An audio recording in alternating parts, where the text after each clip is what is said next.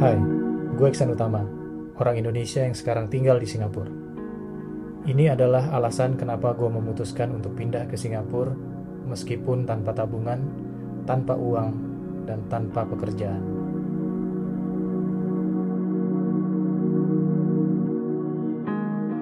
Mungkin banyak orang yang punya cita-cita untuk bisa pindah tinggal di luar negeri, punya kerjaan, punya karir di luar negeri.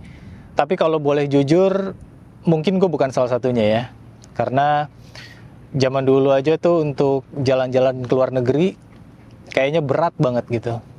Tapi semua berawal ketika gue ketemu sama Esti, dia adalah wanita warga negara Singapura yang waktu itu lagi kerja di Indonesia. Singkat cerita kita deket, pacaran, terus akhirnya punya rencana buat nikah. Dan waktu itu kita sempat ngobrol, nanti kira-kira kalau kita udah nikah kita bakal tinggal di mana. Waktu itu kita putusin, kayaknya kita bakal tinggal di Indonesia deh. Um, karena waktu itu gue lagi ngejar karir gitu ya, sebagai penyiar di salah satu radio di Jakarta dan Esti juga posisinya lagi bagus-bagusnya di kantor tempat dia bekerja. Dia adalah VP untuk salah satu perusahaan besar di Indonesia waktu itu. Tapi akhirnya semua rencananya berantakan ya untuk nikah dan tinggal di Indonesia.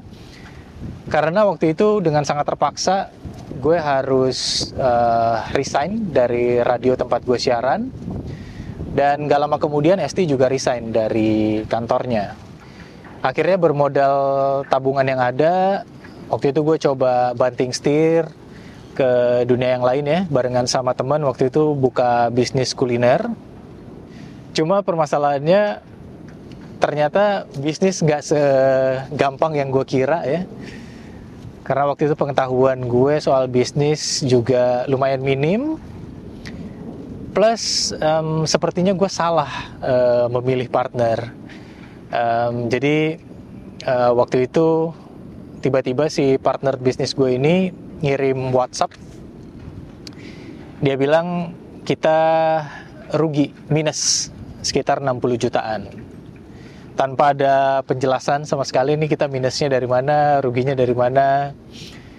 Akhirnya gue ajak dia ketemuan untuk um, minta laporan keuangannya.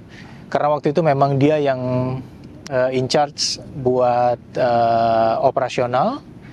Gue lebih ke digital marketing branding gitu ya. Dia yang operasionalnya. Makanya gue minta laporan keuangannya sama dia pas ketemu dia bawain laporan keuangannya yang um, cukup mengejutkan gitu ya uh, ada tabel-tabel uh, Excel uh, terus ada angka-angka uh, beli ini berapa, bayar ini berapa gitu.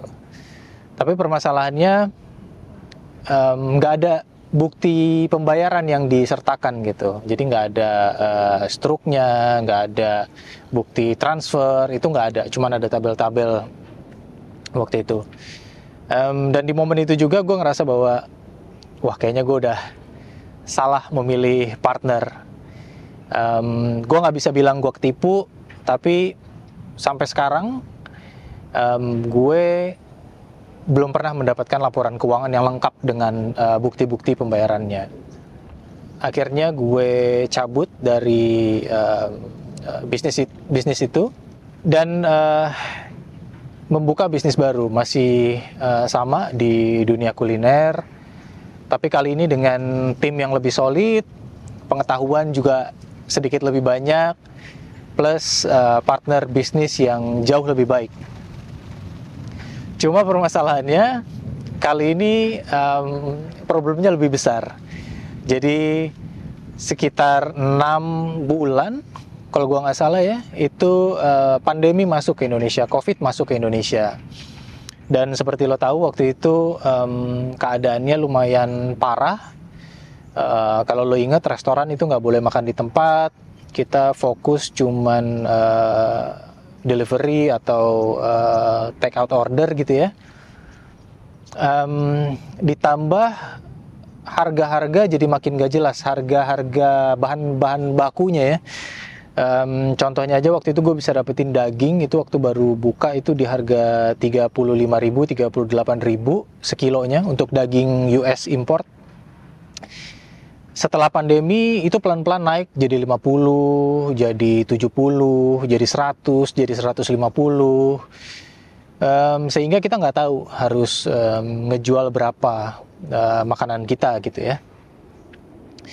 Jadi mau nggak mau dengan sangat terpaksa um, kita harus uh, tutup dan uh, ketika restorannya tutup kondisi gue itu udah um, uang udah nggak punya tabungan juga udah nggak ada plus yang bikin tambah parah itu gue punya utang ke supplier yang jumlahnya lumayan gede, um, puluhan juta lah gitu.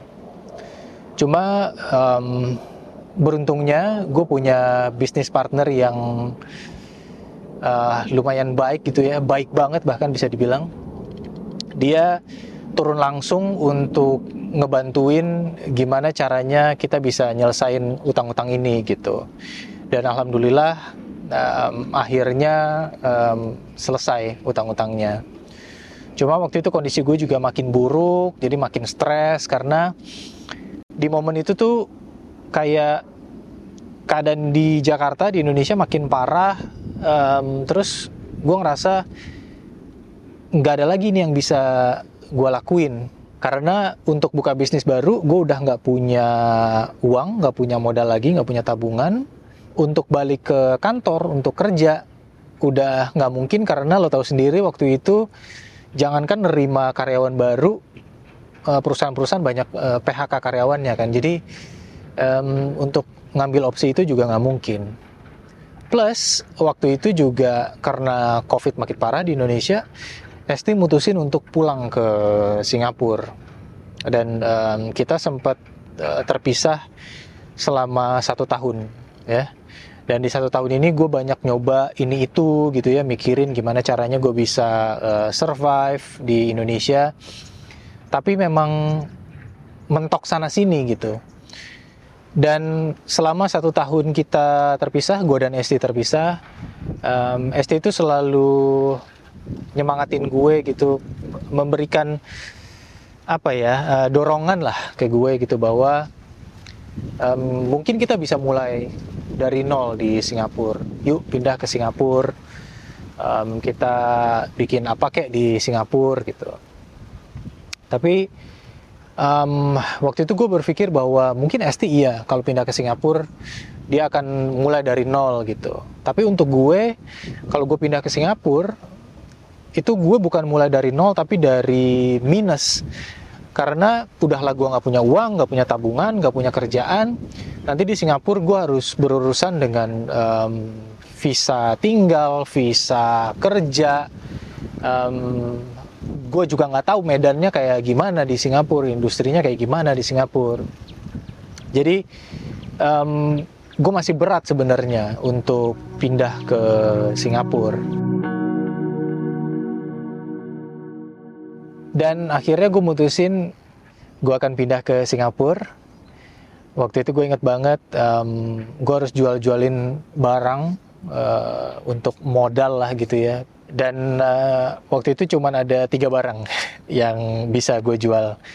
Uh, kamera ada mungkin sekitar dua kamera uh, terus ada sepeda dan yang terakhir yang paling sedih itu adalah gue harus ngejual alat-alat uh, podcast gue dan dengan uh, modal itu akhirnya gue berangkat ke Singapura di 21 Februari 2021, tepat hari ini.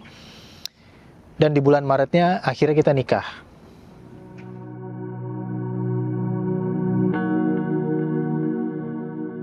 Nah mungkin lo mikir, ini orang nekat banget gitu. Udahlah nggak punya uang, nggak punya kerjaan, pindah ke Singapura terus nikah pula gitu. Harus uh, ngebiayain anak orang sama uh, pemikiran lo waktu itu sama gue. Jadi mungkin ini adalah salah satu keputusan paling nekat yang pernah gue lakuin um, seumur hidup gue. Tapi entah kenapa memang kayaknya semuanya udah diatur ya. Um, jadi kayaknya semua pintu di Indonesia tuh kayak ditutup gitu dan kayak disisain satu ada pintu yang kebuka dan itu adalah uh, pindah ke Singapura. Dan uang pertama yang gue dapetin di Singapura itu adalah um, dari bekerja untuk satu perusahaan yang sampai sekarang gue masih uh, berpikir beruntung banget gue bisa join di perusahaan itu. Um, jadi proyek pertama yang gue handle itu adalah European Film Festival namanya, dan gue bekerja sebagai um, editor di sana. Um, ini kenapa gue bilang ini seperti udah diatur semua ya.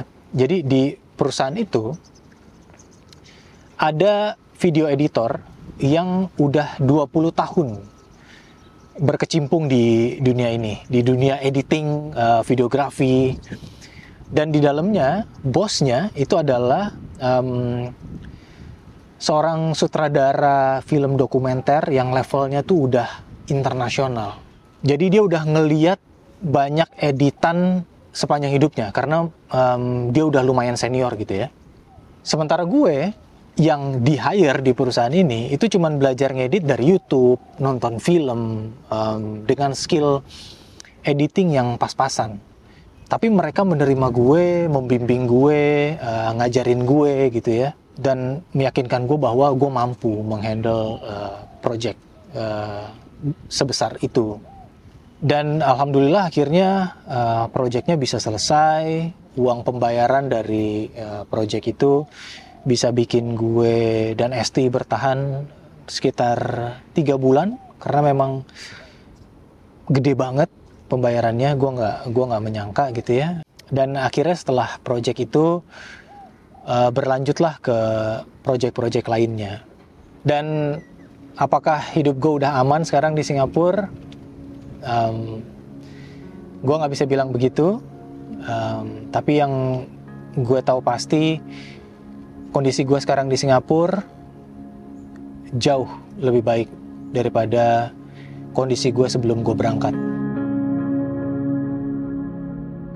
Mungkin sekarang lo berharap gue akan bilang jangan takut untuk mulai sesuatu yang baru. Jangan takut karena lo pasti berhasil.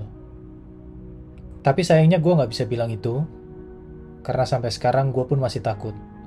Gue juga gak tahu apakah gue akan sukses di Singapura. Tapi gue pengen lo denger ini. Rasa takut ini yang bikin gue terus bergerak. Rasa takut ini yang bikin gue terus nyoba. Jadi untuk lo yang sekarang sedang takut dengan hidup lo, sedang takut dengan karir lo, bergerak. Meskipun itu artinya lo harus mulai dari nol atau mulai dari minus.